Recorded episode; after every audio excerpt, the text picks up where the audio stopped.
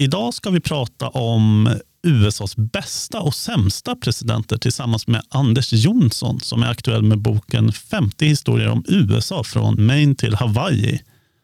Och Anders, vi går rakt på sak.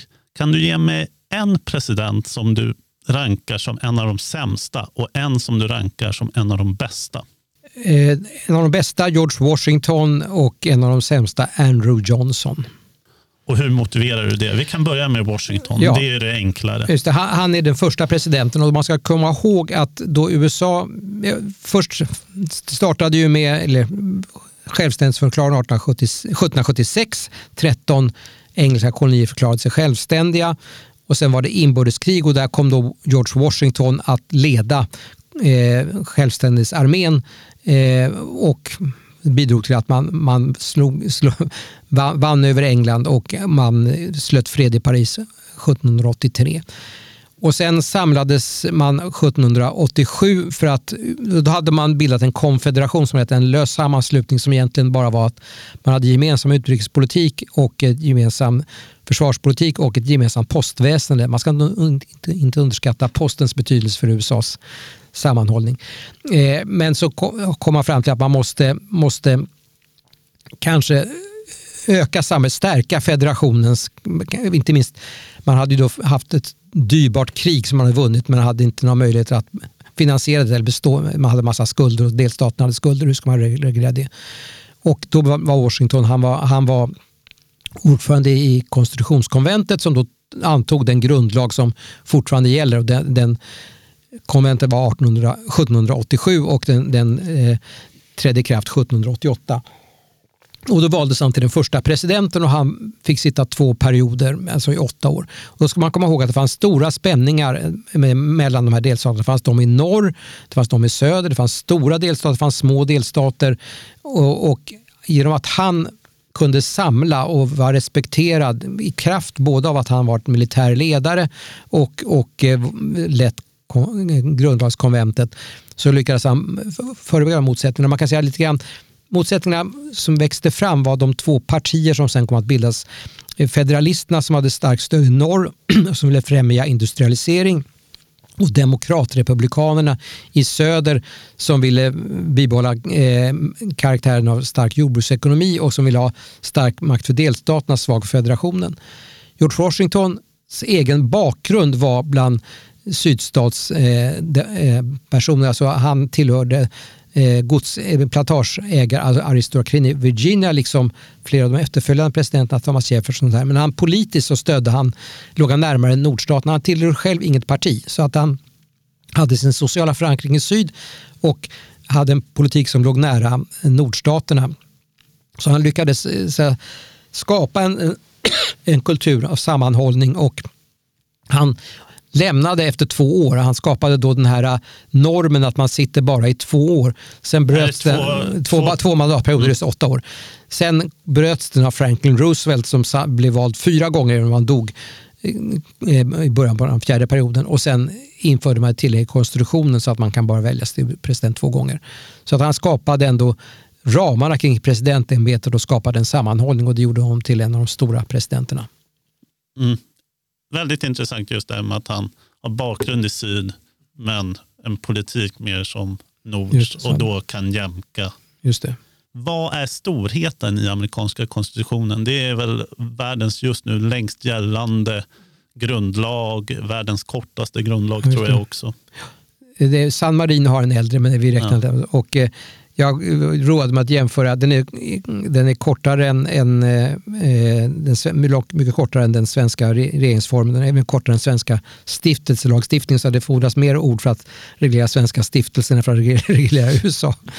Eh, det är ju att den, den tillkom ju, det var ju, man måste komma ihåg att det var ju, då var det bara 12, 12 av de här Eh, kolonier som utropade sig självständiga. För Rhode Island deltog inte i grundlagskonventet. Så 12 nyligen självständiga stater som hade vunnit ett krig mot kolonialmakten.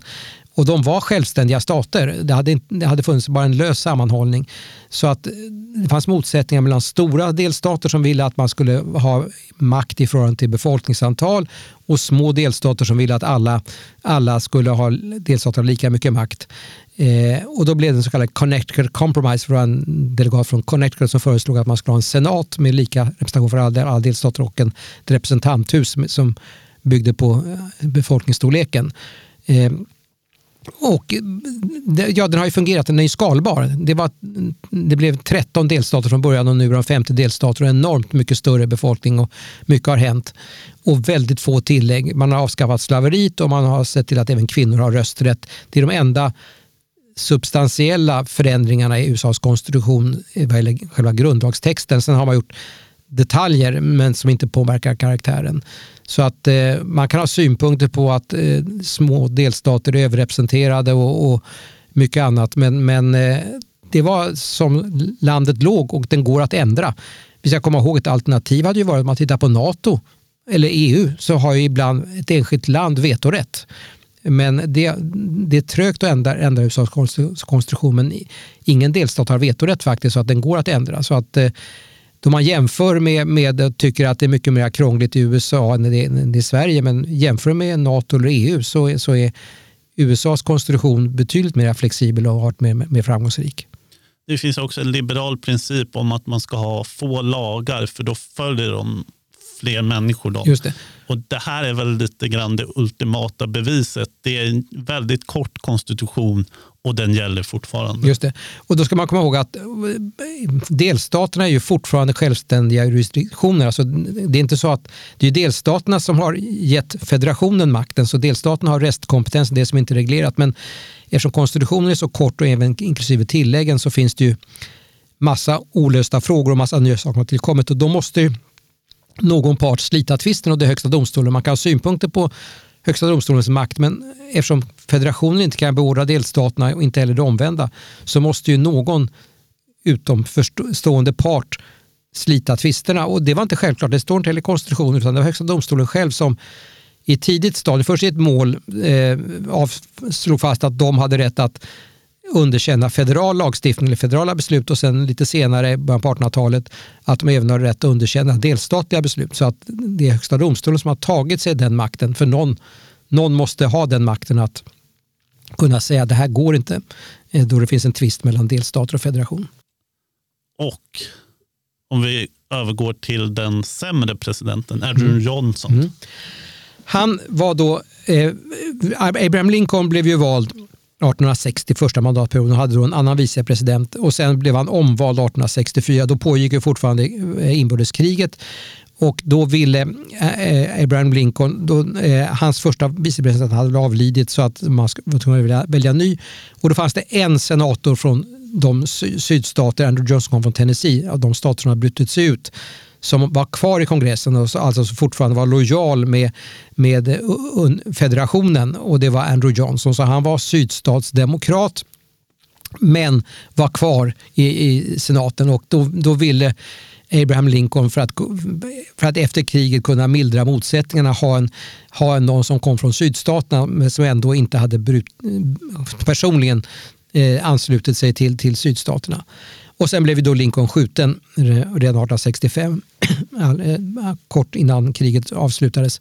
Och Andrew Johnson var, var helt eh, inkapabel att... Eh, det är inte helt ovanligt att de, en del vicepresidenter har inte utsetts därför man anser att de är det näst bästa alternativet utan för att lösa något annat problem, komplettera eller så här. Eh, så att han var helt, helt in, saknade helt, helt möjlighet att få igenom någonting i kongressen. Han, han ville ha en, en gentemot sydstaterna mycket försonlig politik och det kan man tycka vad man vill om, om det var rätt eller fel. Men, men han hade ingen, ingen som helst stöd i kongressen så att det, det blev liksom ingenting. Så att det, den federala makten kom i de kritiska åren alldeles efter kongressen att vara alldeles för svag. Och han ställde sig för riksrätt impeachment den första och friades med en röst. Och det var en, det var en skitsak. Som, som många av de här impeachmentmålen så är det därför man avskyr presidenten men man vill hitta någonting och det gällde avskedandet av en minister som hade skett på ett sätt som man tyckte inte var förenligt med konstitutionen. Men det var egentligen en, en proxykrig, alltså där man, man hitta någonting för att kunna avsätta honom, men man lyckades alltså inte. Mm. Intressant också det här med att han var vicepresident och sen blev han president. Mm, det. det. känns ju som att det finns en möjlighet att det skulle kunna ske nu? Tror du de tar in ja. det i beaktande när de väljer vicepresidenterna? Man borde göra det. Alltså, det, påfallande, det man tittar på i hela historia så är det påfallande många svaga presidenter. Det är, det är lite undligt att detta världens mäktigaste ämbete, och Donald Trump är verkligen det senaste skräckexemplet, att ändå, men även så att säga, inte, inte att de är så politiskt förskräckliga, men de är inte särskilt starka. Men det gäller i ännu högre grad vicepresidenter. Ibland så sopar man in dem, det eh, kan vara för att hitta någon, någon väljargrupp eller någon delstat eller sånt där. Eh, eh, ja, så, så kommer de in. En del vicepresidenter har varit mycket dugliga. Lyndon Johnson som ju då havererade på, på, på Vietnamkriget men han var ju väldigt stark inrikespolitisk. Alltså Kennedy eh, från en liberal från Massachusetts valde en sydstatsdemokrat Lyndon Johnson. De personligen gick ju inte bra ihop. Men Lyndon Johnson sen, tog sen över och fullföljde Eh, John F Kennedys program vad gäller, vad gäller rassegregering och sociala reformer och är en av de inrikespolitiskt stora amerikanska presidenter men vars eftermäle helt överskuggades av, av att han eh, trappade upp Vietnamkriget. Eh, så det, det, och för att ta ett annat exempel, en av de intressanta presidenterna som också valdes för att bli av med honom, det var eh, Theodore Roosevelt. Eh, eh, William McKinley blev vald som president 1896 och hans första vicepresident avled. Och sen så då han skulle väljas om 1900 så valde han Theodore Roosevelt. Theodore Roosevelt var ju en mycket färgstark. Eh, han, han hade varit med och krigat på Kuba, han älskade jakt och liksom, eh, verkligen kraftkar och fys fysiskt aktiv. och, och eh, ja, vi skulle betrakta honom som, som Eh, radikal i många avseenden. Medan alltså McKinley var, representerade den typiska republikanska eh, halvkorrumperade storföretagsvänlige eh, konservative presidenten och så tog man in eh, Roosevelt från New York som liksom förblev av med honom inte tjata. och sen blev McKinley skjuten av en anarkist på världsutställningen i Buffalo 1901. Och så helt 180 graders förändring av politiken eh, då han kom in. Och då, han, Roosevelt inledde då den så kallade progressiva eran. Vi hade haft då en svag presidentmakt av alla presidenter i stort sett efter Lincoln under efter inbördeskriget. Och, eh, eh, Roosevelt då eh, började med sociala reformer, arbetsmarknadsreformer, lagstiftning mot, mot karteller och storföretag. Han inrättade en rad nationalparker. Eh, sen utnämnde han sin efterträdare eh, Taft och sen kom demokraten Wilson. Så man hade då tre presidenter i rad som var reformsinnade, den så kallade progressiva eran och sen kom det en backlash med ett par konservativa republikaner innan Franklin Roosevelt kom. Men jag menar till Roosevelt är en sån oerhört intressant färgstark person som kom in då av misstag så att säga därför att man valde en vicepresident som aldrig var avsett att, att bli president. Och han är också på din lista över de bästa ja, presidenterna jag tvekade vilken av Rooseveltarna man skulle ha. Alla känner ju till Franklin Roosevelt som då satt, valdes fyra gånger och som förändrade dynamiken i politiken genom att han lyckades bygga en allians mellan de konservativa sydstatsdemokraterna, de välutbildade liberalerna och industriarbetarna i, i, i industri, stora industriområdena och stärkte presidentämbetet, ledde USA under andra världskriget. Så han ja, man kan säga att han är större för att han satt under längre tid. Men, men bägge två Rooseveltarna var väldigt viktiga för att de påverkade politiken för flera även efter att de hade lämnat presidentskapet. Vilken vikt tillskriver du marknadsliberal vänlighet i den här rankingen? Alltså, men som du säger, Theodore Roosevelt, Progressive Era, Franklin D. Roosevelt, New Deal. Mm. Alltså jag, tycker, jag, jag själv betecknar mig som socialliberal, mm. så att jag, risken... Det finns ju idag en del växande socialistiskt. Men jag liksom har aldrig uppfattat socialismen som ett stort hot mot USA. Så att jag, jag med mina värderingar, så en, en, en, radikal demokrat som genomför välfärdsreformer i USA tycker jag inte har historiskt sett varit något bekymmer. Sen, sen kan man idag hitta demokrater som enligt mitt tycke går, går alldeles för långt. Men om man tittar på presidenterna så har, har mitt problem har aldrig varit att de har varit för socialistiska. Nej, okay. det är liksom, mm. USA är i allmänhet så höger att ja, det inte finns någon risk för det. Nej, det. Sen kan man diskutera, det finns säkert inslag i Franklin Roosevelts politik som gick för långt eh, utifrån ett marknadsliberalt perspektiv, men, men det tycker jag är på felmarginalen. Mm. Ja, men det är intressant. Vad är det? det är väl New Deal, det här att man ska bota arbetslösheten mm. och och det är väl mycket priskontroller också. Just det, och jordbruksregleringar och sånt där. Så att det var på nöden. Klart han skapade, bröt ju det starkt negativa klimatet. Eh, eh, så jag tycker på hela taget eh, så, så gjorde han mer rätt än fel. Och vi har också på listan över de sämsta, Donald Trump. Just det. Han är den enda president, det finns ju alla presidenter utom fem har ju haft valda politiska uppdrag, men, men en av dem, Herbert Hoover, hade ju varit handelsminister, eh, mycket mäktig handelsminister, framgångsrik och hade också väldigt framträdande internationella uppdrag. Så han var ingen nykomling i politiken, även om han aldrig valts till ett politiskt uppdrag. Och så eh, resten har då varit högsta politiska befälhavare, Eisenhower är ett exempel. Och sen Donald Trump, då, den enda som varken har varit militär eller politiker. Och han är väl en stor katastrof i alla avseenden eh, och ett stort hot mot, mot USA. Nu tror jag jag, jag, jag förtränger, jag tror inte han kan bli vald, men om han blir vald så tror jag ändå att de värsta domedagsprofetiorna, det finns ändå så mycket checka balances och det beror lite grann på om det skulle bli republikansk majoritet i kongressens bägge kamrar så, så, så har han större makt, men jag tror ändå det finns en del tröstar som jag säger att han är ointresserad av politik. Han är bara viktigt att han, han slipper bli alla sina åtal så att eh, han är inte lika farlig som han låter. Men, men klart att han är en av USAs sämsta presidenter.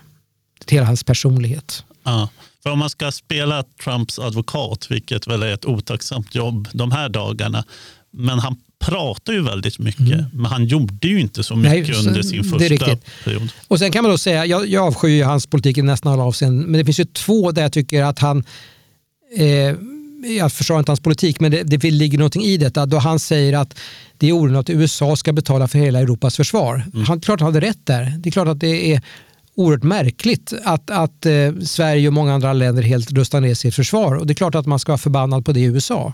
Och då kan man då säga att eh, det, det, var helt nödvändigt att han sa ifrån eh, eh, att, vi, att, vi, har varit oansvariga. Det andra är gräns mot Mexiko. Eh, jag stödjer inte hans politik i alla avseenden men det är klart att vi själva sa att vi skulle stänga Öresundsbron det kom många flyktingar. Alltså det är klart att det är ett fullt legitimt krav att få bättre ordning på, på gränsen både av Eh, eh, illegal invandring och narkotikasmuggling. Så att, så att eh, på de punkterna så tycker jag att man i Sverige lite grann slarvade med att eftersom han hade en sån retorik och han var galen i alla andra avseenden att han faktiskt i grunden pekade på två problem som politiker av bägge partierna och inte minst Demokraterna hade försummat att göra någonting åt. Där tänker jag samtidigt att det är en annan fråga eftersom den här invandringen från Mexiko framförallt är arbetskraftsinvandrare. Mm. Det är folk som kommer till USA för att de vill jobba. Mm. Medan den invandring som vi har haft till Sverige inte har varit av den karaktären Nej. eftersom vi har en välfärdsstat som är mycket större. Det, det är skillnad, den, men klart den är enormt mycket större. Och det finns ju också i, i invandring från Mexiko så är det inte bara, det är inte ens bara latinamerikaner utan det är eh, eh, en del kommer av, av arbetskraftsinvandring och sugs upp och får jobb tillför USA och USA är beroende av detta. Men det är klart att det finns ju också narkotikasmuggling och annat. Så jag, jag säger inte att man ska stänga gränsen men det är klart att ha en bättre kontroll på, på vilka som kommer. Det, det tycker jag är ett fullt rimligt krav. Och när det gäller hans sämsta politik, då tänker jag att det är handelskriget mot mm. Kina. Håller du med? Ja, eh, där tycker jag också lite paradoxalt. Alltså, eh, det har blivit, också Biden ju, har blivit mer protektionistisk. Det som har varit en styrka i USA är ju att eh, det är alltid i alla länder en kamp mellan att skydda de egna jobben och att se fördelar med, med frihandel. Där att USA i bägge partierna har, har haft en frihandelsinriktad politik och det gällde ju till exempel både för Clinton och Biden liksom för Bush. Och, eh, och så här. Eh, det intressanta är ju att då, vi, då globaliseringen stod på sin höjdpunkt för 15-20 år sedan och då, då våldsamma demonstranter i Seattle och Göteborg eh, gick emot globaliseringen och WTO och sa att vi ska ha bilaterala överenskommelser. De har ju fått, den vänster som slogs på gatorna har ju fått som de ville genom Donald Trump, även om de inte hyllar honom. Alltså, nu ser vi, vi som försvarade frihandel och WTO att man ska ha ett globalt system där stora och små länder alla följer samma spelregler och säger nej till bilaterala handelsrelationer, vilket vänstern då ville. Nu ser vi vad, vad konsekvenserna är och nu är det Donald Trump som genomför attacks och, och DNs kultursidas politiska linje så att säga. Och det, det, de står inte upp för den nu. Utan nu, nu det är Donald Trumps stora insats för, för en förnuftig handelspolitik är att alla förnuftiga människor inser att den, den är, protektionism är galen. Ja, det är en ohelig allians ja. mellan attack och Donald Trump. Just det. Man ska väl inte jämföra med Molotov-Ribbentrop-pakten. men det är väldigt märkligt. Och jag tror möjligen att, att Donald Trump har gjort att den protektionistiska vänstern har blivit mer frihandelsorienterad. Ja, det är en intressant mm. utveckling. Kan du säga mer om det? Det är bara en hypotes, jag vet ja. inte riktigt. Men det, det går inte att, att driva den agitation mot globaliseringen nu som eh, man gjorde då. Kanske också Hans Rosling, att han haft just det, en han, han var viktig. Det fanns mycket, just det, ja.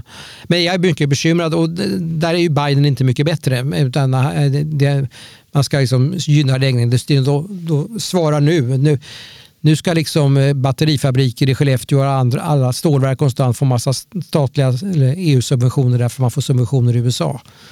Så vi är inne i en farlig spiral, en 30-talsspiral.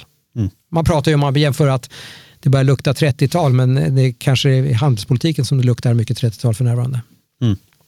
Vi ska inte säga eh, vem den sista av de sämsta presidenterna är, men jag noterar att det är inte George W. Bush. Eh, vad tänker du om honom? Lite, lite blandat. Han var, eh, med dagens mått mätt så var han ju en förnuftig mainstream-republikan. Jag är mycket skeptisk till Stora Drams politik och det här eh, kriget mot, mot terrorismen och så här. Eh, sen fick han ju, eftersom han var president under 9-11 så fick han ju mycket, mycket sympatier. Eh, eh, allt i perspektiv så var han ju inte, han var inte de stora, till de stora presidenterna och framförallt var hans vicepresident och försvarsminister och så där, eh, väldigt hårda hökar. Men, men eh, eh, han, ja, hans, hans pappa var, var eh, hade mer otur med tid. Han fick bara sitta i fyra år och har ett svagt eftermäle. Men han var ju en, en hade en gedigen erfarenhet och, och eh, kanske då en egentligen större president än, än sonen, även om sonen fick sitta längre tid. Är hans pappa underskattad skulle du säga? Ja, alltså han hade otur. Han fick, fick bara sitta i fyra år och, hade svårt att hantera både en del internationella kriser och, och in, inrikespolitik. Jag var i våras eh, på hans museum i, i, Texas och det intressanta var att de beskriver, och han hade en enormt krigsveteran CIA-chef, ambassadör i Peking, eh, vicepresident kongressledamot så han hade en enormt kompetent bakgrund men lite grann lite otur med, med, med tajmingen, vilka problem som dök upp hos hans hantering. Men det intressanta är då, då museet själva ska beskriva vad han var stora, stora insatser så var det saker som vi idag uppfattar som vänster. Det, det var liksom miljöpolitik, det var hjälp, eh, insatser mot funktionsnedsatta. Så det, det är ju ingenting som man förknippar dagens republikaner med utan då de själva ska berätta varför pappa Bush var så stor så var det så här välfärdsreformer som, som han stod för. Eh, vilket kan, vilket säkert är sant, men liksom det, det var en helt annan republikansk parti då än det är idag. Ja, verkligen. Hur ser svenskar på de amerikanska presidenterna? Vilka tycker vi bäst om? Vilka tycker vi minst om? Är det skäligt? Ja, jag skulle tro att, eh, för att ta en person som, som var väldigt negativt skildrad i Sverige var Ronald Reagan. Eh, och jag tycker det är en person som både hade mycket starka och mycket svaga sidor. Alltså, eh, framförallt så beundrar jag hans, hans retoriska eh, förmåga. Och så jämför man med, med så har man Trump som riktmärke idag så var han alltså skyhögt mycket bättre. Och man sko, man sko, han kom ju en tid då vänstern var mycket stark i, i Sverige och Europa så hade man nedlåtande att kalla för B-skådis. Vilket då är intressant Därför att vi nu har en annan B-skådis i världspolitiken, nämligen Zelensky. Det är ingen som säger att Zelensky är en B-skådis. Det eh, visar att skådespelarbakgrund är ingen dålig bakgrund för en politiker. Eh, och vilken svensk har varit någon, partiledare har varit något annat än B någonting? Alltså man har varit en B-konsult eller en B-journalist. Det finns ju ingen, ingen svensk partiledare efter Bertil Ohlin som har varit en, haft en A-karriär i, i något, något område för politiken. Eh, Nej, så jag, jag, tycker Ronald Reagan jo, bidrog till avregleringar. Sen kombinationen av sänka skatter och kraftigt ökade försvarsutgifter gjorde att man inledde de problem med budgetunderskott man har. Men, men jag räknar honom som en av de betydelsefulla presidenterna att han ändrade det politiska landskapet vi ska komma ihåg att Republikanerna fram till 60-talet, förutom att de hade den här storföretagsdominans, en gruppen konservativa så var ju var man motståndare av slaveriet var, var man ju republikan. Var man för kvinnorättsrörelsen så var man ofta republikan. Så det fanns ju ett starkt liberalt inslag i republikanerna som försvann med Ronald Reagan. Alltså det hände ju eftersom Demokraterna knoppade av de konservativa sydstatsdemokraterna så kom liberaler att gå till demokraterna och lämna republikanerna. Så att han stod för det skiftet att republikanerna blev ett högerparti samtidigt som demokraterna blev ett vänsterparti. Men, men han, han, jag, jag beundrar, jag, jag, jag njuter av att höra hans retorik, hans talekonst och hans sätt att presentera politiken, även om jag är skeptisk till en del inslag i hans politik. Ja, det finns väldigt roliga klipp på Youtube när han drar skämt om ja. Sovjetunionen. Ja, just det. det är helt otroligt. Ja. Vilka, och vilken grepp han har mm. om publiken, vilken mm.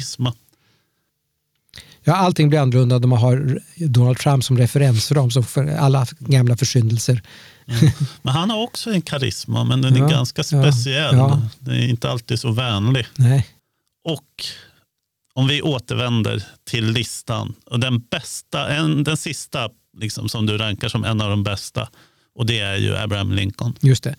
Som då, eh, och det är framförallt klart att eh, man blir stor om man har tur att otur att, att leda landet under krig och det lyckas. Alltså han, han blev ju vald 1860 på ett program att hindra slaveriets utbredning. Alltså då, då, då hade man kommit så långt i USAs utveckling att, att sydstaterna, slavstaterna var instängda geografiskt. Det gick in, väster om hundrade meridianen så gick det inte att ha, det är torrt klimat för att, för att kunna ha slavplantager. Så att de visste att geografiskt så kunde slaverisystemet inte växa egentligen. Eh, utan, men där nordsidan och väst skulle, skulle bli, bli eh, sannolikt inte, inte slavplantager. Men då vill man fortfarande att eh, möjliggöra slaveri i territorierna i väster. Eh, Medan eh, eh, Lincolns program var inte att avskaffa slaveriet i södern men att inte tillåta någon ny slavstat. Det var det som var.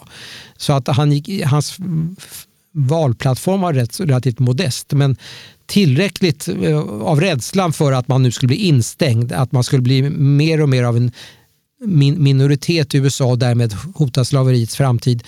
Eh, så redan efter att han blivit vald innan han tillträtt så bröts ju South Carolina ur eh, konfederationen och redan innan han blivit vald så hade ju var det sex, sex sydstater har brutits ut. Så att, så att det, han behövde inte ens tillträda in, innan de flesta av de som bröts ut hade brutits ut och det var helt enkelt rädslan för slaveriets framtid trots att Lincoln ju inte gick på program att avskaffa slaveriet. Och sen bröt kriget ut och det eh, eh, Abraham Lincoln kunde göra på egen hand det var att förbjuda slaveriet i alla territorier eh, och sen så eh, kunde han också, nej det, det fordrades kongressbeslut, men han kunde på egen hand under kriget besluta att från 1 januari 1863 så skulle alla slavar i de utbrytarstaterna vara fria. Eftersom staterna hade brutits ur USA så gällde ju inte, de har ju själva frånsagt sig den rätt de hade enligt konstitutionen. Så därför kunde Abraham Lincoln som president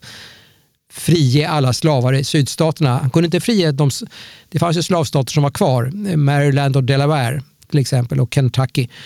De slavarna blev inte fria för det, där var ju delstaterna medlemmar i USA fortfarande och hade makten att bestämma över detta. Men, men Lincoln förklarade att, att slavarna i sydstaterna eftersom de hade lämnat unionen, de kunde friges. Så att de blev frigivna, alltså så fort nordstatsarmén kom till de områdena så var de fria. Och sen alldeles efter kriget så fri, frigavs ju, eller så man, gjorde man tillägg till konstitutionen så att de sista slavar som frigavs i USA var faktiskt de som var kvar på nordsidan. Eh, Eh, men så blev han skjuten. Men att, att han lyckades leda USA under kriget och hålla samman det hela det gör ändå, ändå eh, och la grunden till den långa följden. Han var ju republikan, slaverimotståndarpartiet och det var ju de som dominerade ända fram till 1932 med två undantag. Woodrow Wilson var den ena. Eh, så att han la grunden till, till den amerikanska makten. Och hade han fått vara kvar så hade kanske inte den mycket dåliga politik som, som eh, de republikanska presidenterna Andrew Johnson nämnde som en av dem eh, före efter kriget och man då missade chansen att ge, verkligen ge de svart, åt svarta de fullständiga medborgerliga rättigheterna. Eller att ge dem det utan att eh, de eh, konservativa sydstatsdemokraterna kunde ta makten tämligen snabbt efter kriget och fortsätta med segregeringen. Hur var Lincoln som befälhavare? Alltså han skötte ju inte kriget. Eh, han måste ha fattat en del beslut men det var ju mycket kompetenta. Alla de tre stora generalerna kom från Ohio eh, så att de levererade eh, grund, grundmaterialet. Och vilka var det? Ja, en av dem var, var, var då, då, en av de usla presidenterna, Julius S. Grant. Han, ja, han var född i Ohio men han, hans bas då han blev vald till president efter Andrew Johnson var Illinois. Och han är då ett exempel. Alltså, det fanns fyra stycken amerikanska presidenter som hade varit högsta befälhavare under sin tid. Det var George Washington, det var Zachary Taylor under kriget mot Mexiko 1846-48 och så var det Julius S. Grant och så var det Dwight Eisenhower. Washington hade ju varit eh, också politiker så att han var en stor president. Zachary Taylor dog efter något år Eh, och eh, Julius Grant var en usel president. Dwight Eisenhower är den enda av dem som inte hade varit politiker som var en framgångsrik president. Han var ju befälhavare för europeiska styrkor under andra världskriget. Men, men eh, Grant var ju då eh, befälhavare för nordstatsarmén men saknade politisk talang, politisk förmåga. Det var en starkt korrumperad administration. Han själv kanske inte var korrumperad, korrumperad men han omgav sig av medarbetare och ministrar som var starkt korrumperade och det var då som man släppte sydstatsdemokraterna fria att, att införa så kallade Jim Crow-lagar och att fortsätta diskrimineringen i syd så att han räknas som en av de sämsta presidenterna. Mm. Samtidigt kan man läsa på Wikipedia att han lyckades med att åstadkomma en reducerad statsskuld, stärkt amerikansk kreditvärdighet, dollar och handelsbalans, sänkta mm. skatter, minskad inflation. Men det är kanske framförallt det här med Jim Crow-lagarna som drar ner honom. Mm. Man kan också läsa att eh, under Grant, det här är på engelska Wikipedia, the union was completely restored. He appointed African Americans and Jewish Americans to prominent federal offices. Mm. Men samtidigt, det är också i rankingar av historie, historiker så placeras han väldigt lågt mm. ner. Men det är intressant att det, även, även de som är riktigt dåliga kan ju också ha gjort rätt ibland, eller vissa saker. Jo, verkligen. Andrew Jackson mm har vi också på listan som inte är någon av de bästa eller någon av de sämsta men ändå en intressant. Ja, det finns ett antal presidenter som då inför en helt ny era. Vi nämnde eh, Teddy, eh, Teddy Roosevelt alltså då som progressiva eran, Franklin Roosevelt den demokratiska eran, Lincoln den republikanska eran. Eh, Andrew Jackson han, han var den första, han kom från Tennessee, eller han var född det är den enda presidenten som vi inte vet vilken delstat han var född i. Han föddes i gränstrakterna mellan North och South Carolina och hans far dog innan han föddes så att modern flyttade till en släkting och det eh, råder oklarhet vilken moster som hon flyttade till, om det var den som bodde i North Carolina eller South Carolina. Men han, han gjorde sin karriär sen i Tennessee. Eh, han, han, var den första presidenten som kom, inte kom från rika förhållanden och den första då som inte kom som gjorde karriär utanför de ursprungliga eh, delstaterna. Eh, och han var då eh, den första populisten. Det var ingen, ingen slump att eh, eh, Donald Trump hade porträtt av Jackson bakom sig på skrivbordet i Vita huset. Han var populist, han lyckades göra en massmobilisering. Gjorde, det var då som demokratrepublikanerna bytte namn till Demokraterna, alltså grund, den första demokratiska presidenten och inledde en Jackson-era mycket, mycket populist alltså, mot etablissemanget i Washington och mot eliten. Mobiliserade stora massor, eh, byggde upp en med tidens mått med ett effektiv partiorganisation. Men sen det, det, hans svaghet var ju och mycket kraftfull, la in många presidentveton och sådär, mycket aktiv. Men han förde framförallt en mycket repressiv, repressiv politik mot, mot urbefolkningen. Han fick fullmakt att, att förvisa i stort sett alla i urbefolkningen eh, öster om Mississippifloden till ett område som, sen blev, som idag är delstaten Oklahoma.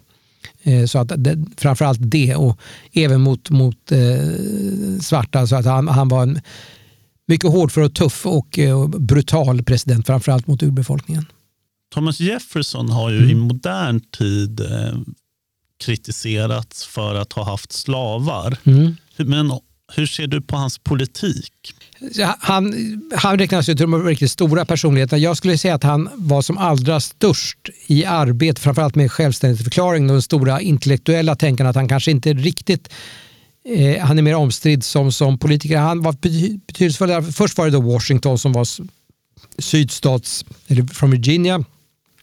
Och sen kom John Adams från nordstaterna och sen in, kom det tre presidenter till som hade samma bakgrund som Washington. Där, där Jefferson var den första, men sen var det James eh, Madison och sen James Monroe. Så det var tre, under 24 år det var det tre stycken plantageägare från Virginia som Jefferson inledde. Och han var då de, demokratisk republikan, ville behålla karaktären av jordbruksekonomi, expandera USA, eh, ha låga tullar, eh, var ointresserad av eh, industrialisering, ville ha en svag federalmakt. Så han, han var eh, som, som politiker också rätt konfrontatorisk då, så han var viktig. viktig. Han var stor intellektuell, men, men, fram, men som politiker så, så, så kanske han inte var, eh, var lika beundransvärd som han var som person. Så där.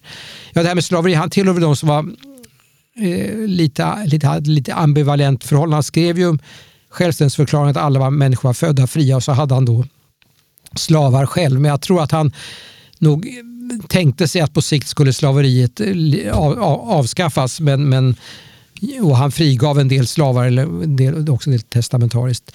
Och det är bekant att han ju fick barn med en av sina eh, slavinnor. Det som inte är lika känt är att hon var halvsyster till hans avlidna hustru. Eh, alltså, hustrun var, var dotter till en slavägare så, så då, hon förde med slavar från, från, från pappans gods och en var, var då en, en slav som hennes pappa hade gjort tillsammans med en, med en annan slav så att de var halvsystrar. Så att Jefferson insåg att de barn han fick med, med sin slav, de barnen var ju fjärdedels eh, svarta och tre fjärdedels vita. Och deras barn i sin tur skulle varit en åttondels eh, svarta och då skulle de räknas som vita. Så han, han räknade med sina barnbarn eh, med slavinnan skulle faktiskt bli vita. För att hade man bara en åttondel eller mindre svart blod så var man vit. hur såg han på det? Ja, han, han, han, skrev och tänkte om det. Att, att, att, visserligen så kommer mina barn med henne fortfarande räknas som svarta, men deras barn om de gifter sig eller får barn med vita skulle bli vita. Men, men det, det, är en, det är en paradox eh, att de här bildade, eh, av antiken inspirerade eh, lantjunkrarna inte, inte såg problem med slaveriet. Mm. Jo, en blind fläck mm. verkligen. Ett eh, muntrare ämne. Mm. Varför älskar svenskar amerikansk politik? För det gör vi ju verkligen. Dels så förstår vi engelska och dels får vi kontakt i populärkulturen med, med filmer och tv-serier eh, och på många andra sätt. Så vi är förhållandevis kunniga, även om vi ofta har missförstått det som är huvudämne för min bok, relationen mellan federationen och delstaterna, så kan vi mycket mer om förhållanden i USA än till exempel i Frankrike eller Tyskland. Ehm, jag vet mycket mindre redan innan boken om relationerna mellan förbundsländerna och förbundet i Tyskland. och så, där, så att, att det, Man ser ju aldrig några, nästan aldrig några tyska eller franska tv-serier. Inte, inte om politik heller. Så att det, det, det, det, vi, vi är fascinerade av detta, detta land som eh, vi tycker vi känner oss så väl men, men som är rätt annorlunda mot, mot Sverige ändå. Det är kanske det som är tjusningen också, att det är mm. väldigt annorlunda också, väldigt ja. varierat. Ja, men tack så mycket för att du har varit här och att vi har fått prata med dig. Och din nya bok 50 historier om USA från Maine till Hawaii är ju på vår hemsida tillgänglig för köp just nu. Tack så mycket Anders Jonsson och tack, tack för att ni har lyssnat. Tack så mycket.